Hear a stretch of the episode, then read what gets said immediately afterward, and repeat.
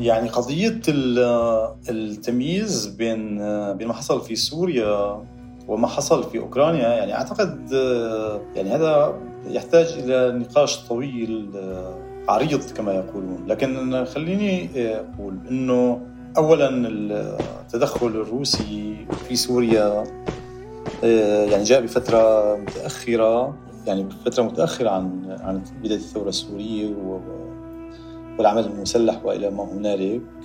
عام 2015 يعني كانت داعش في ذروتها آه، وجبهة النصر كذلك كانت في في ذروتها. ويعني وكان في آه، يعني شبه رؤية لدى الأمريكان آه، إنه في مستنقع بسوريا بسبب يعني السلفية الجهادية وتنظيم داعش وجبهة النصرة وإلى ما هنالك. ففضلوا يعني الانسحاب ربما يعني كان هدف بعيد أيضا هو إغراق الروس يعني بمستنقع إضافة يعني إلى الأمن القومي الإسرائيلي. يعني عوامل متعددة ربما كانت آه، تمنع الغرب من من آه، يعني دعم المعارضة من أجل إغراق روسيا في في مستنقع. أعتقد يعني التدخل أساسا يعني حصل بتفاهم كبير. بين أوكرانيا وسوريا عدو مشترك ومشاهد متكررة. بدأ التدخل الروسي في سوريا واضحاً في نهاية عام 2015 اليوم وفي وقت تستمر فيه الحرب في سوريا بعد أكثر من عشر سنوات برزت حرب جديدة ظهرت فيها روسيا بحلة جديدة قديمة. حلة المحتل وليس المتدخل في حرب قائمة. إلا أن بعض التكتيكات لم تتغير. لا وبل ذكرتنا أحيانا بالقصف الروسي العنيف على شمال سوريا. على شبكات التواصل ضجت صفحات السوريين والسوريات بالمنشورات التي استعادت بمعظمها معالم القصف الروسي على سوريا.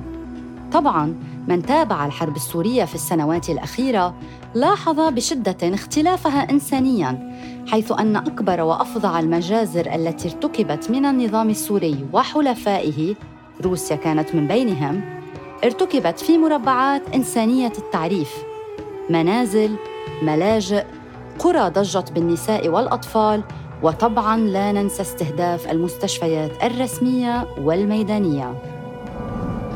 في هذه الحلقة من بودكاست في عشرين دقيقة نناقش وجوه التشابه ووجوه الاختلاف بين الحربين الأوكرانية والسورية. ونسأل ضيفنا الصحفي والباحث السوري منهل باريش عما إذا كانت المقاربة مبررة وصحيحة أصلاً.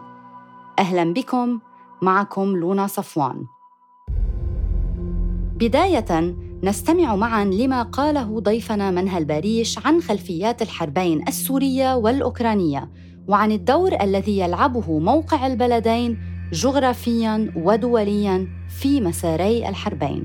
طبعا بداية إذا بدنا نحكي عن النقاط المشتركه يعني بشكل الهجمات الروسية آه، ضد المعارضة في سوريا أو آه، يعني في الحرب آه، ضد أوكرانيا فنحن يعني لازم نفهم سياقات التدخل اولا برأيي يعني التدخل بسوريا بنهايه 2015 كان بطلب من النظام السوري من أجل يعني من أجل التدخل بأوكرانيا هو كان في اعتداء على يعني على دولة على دولة جاره الأسباب يمكن مختلفة يعني أسباب التدخل في في في سوريا آه، متعلقة أساسا يعني بحفظ آه، أو اكتساب خليني أقول مناطق نفوذ جديدة آه، على المياه على يعني باتجاه المياه الدافئه كما تسمى بين قوسين تاريخيا بالنسبة لروسيا القيصرية.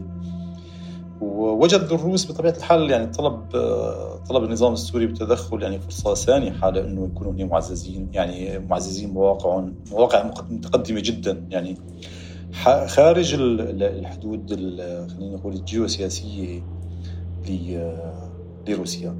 بما يتعلق بالتدخل يعني في في أوكرانيا فايضا يعني هو بشكل مباشر هو سببه. يعني جيوسياسي وأمني بنفس بنفس الوقت بمعنى إنه روسيا القيصرية آه، تنظر آه، يعني لأوكرانيا كأن يعني على أنها هي واحدة من يعني من دول التحالف الاوراسي هذا اولا.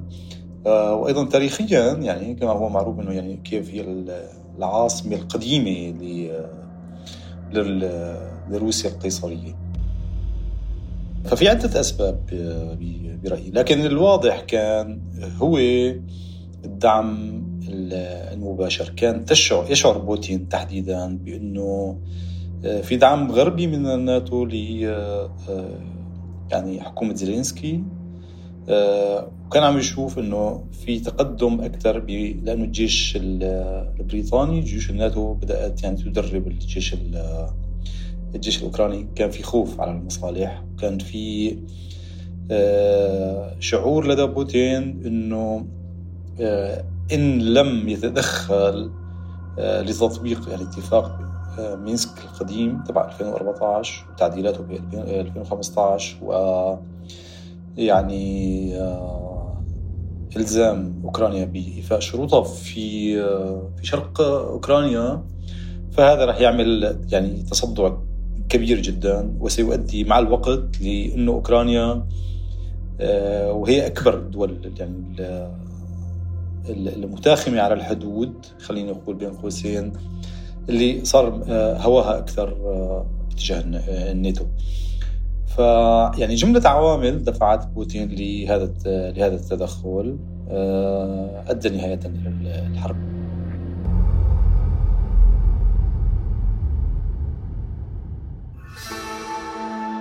بالنسبة للعالم ولمن تابع الحرب السورية التمييز كان واضحاً.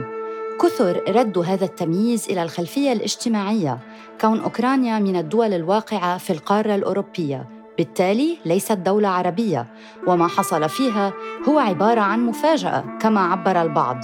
بدا ذلك واضحا جدا في تغطيات عدد كبير من وسائل الإعلام الغربية للحرب الأوكرانية التي بدت بعيدة كل البعد عن التحليلات المنطقية لخلفية هذه الحرب. لضيفنا رأي مفصل عن هذا التمييز وعن هذا الاختلاف. أوكرانيا هي على حدود الاتحاد الأوروبي دوله اوروبيه آه، ويعتبرها الغرب إلى حد كبير إنه هي يعني القوة الأهم في شرق في شرق أوروبا والدولة الأهم والأبرز في شرق في شرق أوروبا بطبيعة بطبيعة الحال. و وسيطرة بوتين على أوكرانيا يعني أو أنه سيؤدي آه، إلى تهديد يعني آه، تهديد أمني لدول الناتو ودول آه، يعني شرق أوروبا مجتمعة. وكان في شعور إنه يعني إذا سكت الناتو آه، كله عن هذا الغزو فهذا يعني إنه آه، آه، لدى بوتين يعني مشاريع حرب أخرى. ربما في يعني في في جورجيا مرة أخرى إضافة إلى الدول الدول الإسكندنافية المحاذية أيضا ل يعني ذات الحدود المشتركة مع مع روسيا. وكان في تصور إنه سينهار يعني الاتحاد الأوروبي بشكل أو بآخر لصالح توسع آه، بوتيني كبير يعني في القارة الأوروبية. وهذا سيؤدي بطبيعة الحال يعني إلى آه، نشوب حرب عالمية.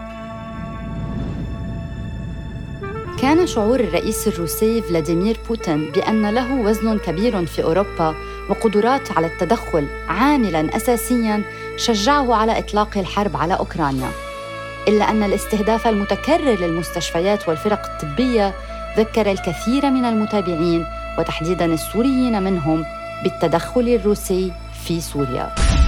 بدأ هذا القصف العامل المشترك الأساسي وربما الوحيد بعيدا عن التفاصيل العسكرية والسياسية التي تختلف من خلالها الحرب بين أوكرانيا وروسيا والتدخل الروسي في سوريا.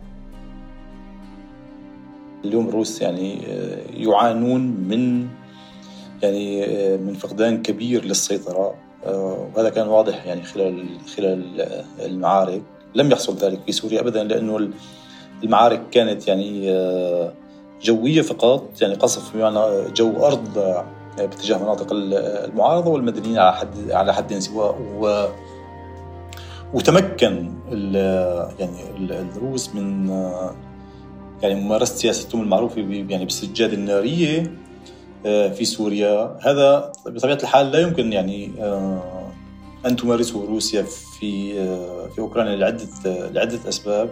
أولا أنه يعني في مضادات طيران لدى الجيش الأوكراني بكميات كبيرة. آه، ثانيا لأنه هناك أقلية روسية وهو وكما هو معروف يعني بوتين آه، عندما كان يعني يخاطب الحكومة يعني باليمين المتطرف والحكومة النازية وإلى ما هنالك آه، كان يسعى يعني إلى استعادة أوكرانيا بشكل أو بآخر من خلال يعني القومية الإسلافية. ودعيني أشير إنه كمان أيضا يعني هناك عدد كبير من القومية الروسية ربما يشكلون 20% أو أقل آه، من آه، مجموع سكان آه، أوكرانيا. وكان بطبيعة الحال لا يريد يعني أن يبدو أنه يعني متوحش متوحش وجذار على غرار ما فعل بسوريا. كان يراهن على كسب المعركة على أساس أنه المخلص من هذا يعني من هذه الفاشية اليمينية المتمثلة المتمثله بزلينسكي كانت يعني كما نعلم كان يعني كان هذا هي الدعايه البوتينية وكررها سيرجي لافروف عدة مرات في عدة لقاءات صحفية. وكانت كل البروباغندا الروسية يعني مركزة بهذا بهذا الاتجاه بهذا الاتجاه إنهم يعني يدخلون أوكرانيا كمخلصين من من نازيين جدد. هذه يعني الأمور كلها بطبيعة يعني بطبيعة الحال آه، يعني توضح أسباب التمييز آه، يعني تمييز تمييز الدعم. آه، وعلينا أن نضيف أيضا إنه يعني دعم المعارضه دعم معارضة مسلحة من أجل إسقاط نظام شيء ودعم يعني حكومة شرعية منتخبة يعني حكومة زيلينسكي شيء شيء آخر ومختلف تماما. بالإضافة إلى غرق روسيا في حرب جديدة اليوم يتساءل العالم عن انكفاء الدول الكبرى في دعم المعارضة المسلحة في سوريا في حين أن دعم كل الجهات المسلحة في أوكرانيا الرسمية منها وغير الرسمية التي انضمت لدعم زيلينسكي يبدو جليا اليوم فهل من فرصة لقلب الموازين وإعادة فرض معادلات عسكرية جديدة في سوريا اليوم في ظل الحرب الأوكرانية؟ عن ذلك يشرح ضيفنا بعد التدخل الروسي بنهاية 2015 بنهاية شهر آه، آه، أيلول سبتمبر 2015 آه، تدخله في سوريا كان يعني سوريا إلى حد كبير تغرق بالرايات السوداء وكانت مخيفة للعالم. يعني لم يكن هناك عنوان معتدل للأسف الشديد يعني صمد بعام 2015 يعني للمعارضة السورية اللي يبدو أنه ديمقراطي وغير إسلامي. وهذا يعني هذه مجمل هذه الأسباب يعني أدت إلى انكفاء آه، دول العالم عن دعم المعارضة المسلحة كونه طبع عليها يعني الطابع الطابع الإسلامي. آه، إذا بدنا نعمل مقارنة آه، يعني للمقدرات الجوية الروسية وشكل التدخل آه، يعني بين يعني في أوكرانيا حاليا وفي سوريا سابقا. فأعتقد أنه في ظلم كبير لعدة أسباب. أولا ال ال القاذفات الروسية ما كانت يعني تلاقي أي صد القاذفات الجوية الروسية. لم تكن يعني تلقى أي صد آه، من المعارضة السورية كونه المعارضة السورية لم تمتلك مضادات صواريخ يعني ميم طا. بأي شكل من الأشكال كل ما دخل يعني هو كان سابق على فترة التدخل الروسي وكان سيء يعني مضادات صواريخ صينية يعني كانت هي غير صالحة للعمل. وبعض الأحيان ربما أدت إلى إسقاط بعض المروحيات. آه، بأوكرانيا الوضع مختلف أيضا. وخليني أقول كمان أيضا يعني شكل التدخل أقل عنفا منه في في في سوريا. لأنه بوتين في بداية المعركة كان يراهن على يعني على أن يحصل انقلاب عسكري على زيلينسكي من قبل الجيش وأنه زيلينسكي سيهرب مجرد يعني وحكومته وسيستسلم يعني مجرد الاقتراب آه، آه، اقتراب الجيش الروسي من آه، من الحدود من حدود كييف. وهذا طبعا لم يحصل. ثانيا دعيني أشير إنه الناتو وعلى رأس الولايات المتحدة الأمريكية وبريطانيا قدموا يعني منظومات مضادة للطيران محمولة أغلبها وفي بعضها يعني نصف آلي بأعداد كبيرة. كل الدول أيضا المجاورة دول الناتو خصوصا يعني المحاذية أو يعني التي لديها حدود مشتركة والأقرب إلى روسيا تخوفت من يعني من امتداد العملية العسكرية وبداية العملية أساسا الدول الصغيرة في الاتحاد الأوروبي وفي الناتو هي من قامت بالدعم يعني الدول الصغيرة والمجاورة لروسيا. آه، بدعم عسكري كبير وهائل وهذا ما يؤدي أيضا يعني إلى سقوط اعداد كبيرة من آه، من الطائرات والقاذفات الروسية وهنا دعيني دعيني دعيني أشير إلى إنه يعني تراجعت حدود التدخل الجوي آه، كثيرا.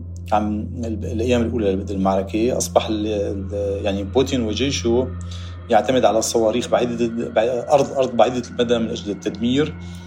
آه، والحد آه، من يعني فقدانه لمزيد من القاذفات الجوية الاستراتيجية يعني سوخوي وأيضا يعني طائرات الطائرات المقاتله طائرات الميغ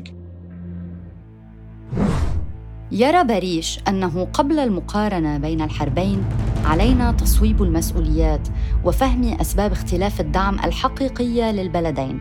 ويقول أن مسؤولية كبيرة تقع أيضا على عاتق المعارضة السورية التي رأت حجم الحرب ولكن في مرحلة ما لم تنجح برص الصفوف وتوحيد الجهود والتمثيل السياسي. ودعني أشير يعني أنا هنا لا أريد أن أبرر يعني الولايات المتحدة الأمريكية ولا الاتحاد الأوروبي ولا غيره يعني دعموا آه، يعني دعموا ما هو أسوأ آه، من آه، يعني من بعض الفصائل الإسلامية في سوريا عندما كانت تقتضي المصلحة الأمريكية كما حصل كما حصل في أفغانستان يعني في الثمانينات من أجل يعني مجابهة تمدد الاتحاد السوفيتي يعني باتجاه قلب قلب آسيا. آه، لكن يبدو أن المصلحة الإسرائيلية والمصلحة الأمريكية ما كانت تقتضي بطبيعة الحال أنه يقومون بمجابهة روسيا وقت ذاك في في في سوريا. بما إنه يعني الغرب والناتو الآن يواجه آه، آه، روسيا في أوكرانيا يعني تطرح المعارضة السورية والنشطاء وإلى ما هنالك إنه لماذا لا يتم الآن دعم المعارضة المسلحة آه، من أجل يعني إغراق الروس في مستنقع أوسع آه، يعني كما حصل آه، باوكرانيا بمعنى أنه دعم المعارضة المسلحة السورية الآن بصواريخ ستينجر يعني بمعدات و آه، مضادات دروع وإلى ما هنالك وأسلحة وذخائر من أجل يعني تجديد المعارك وتوسعة توسعة توسعة سيطرة المعارضة في في الشمال السوري والحاق ضرر كبير يعني بروسيا في في سوريا أو بالقوات الروسية في في سوريا. لكن أعتقد إنه يعني هناك وهم لحد ما أو هناك أماني خليني أقول آه، لدى الكثير من المعارضة السورية يعني بهذا الشيء. واضح إنه الولايات المتحدة الأمريكية انسحبت من سوريا بشكل كبير يعني ويتركز تواجدها في شرق سوريا بدعم وحدات حماية الشعب الكرديه آه، أو القساد أو حزب الاتحاد الديمقراطي. ما هنالك يعني من من خلافات ومساوئ أو اعتراض تركي وإلى ما هنالك. لكن يبدو إنه آه، تفضل آه، أمريكا تركيز جهودها جهودها في يعني وتواجدها في شرق الفرات.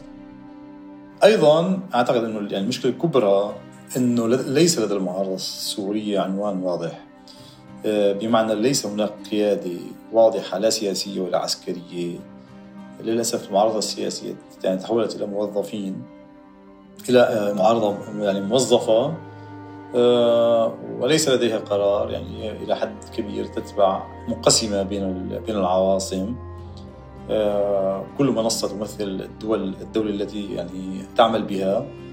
آه، وليس هناك قرار مستقل وحر لدى المعارضة السورية مجتمعة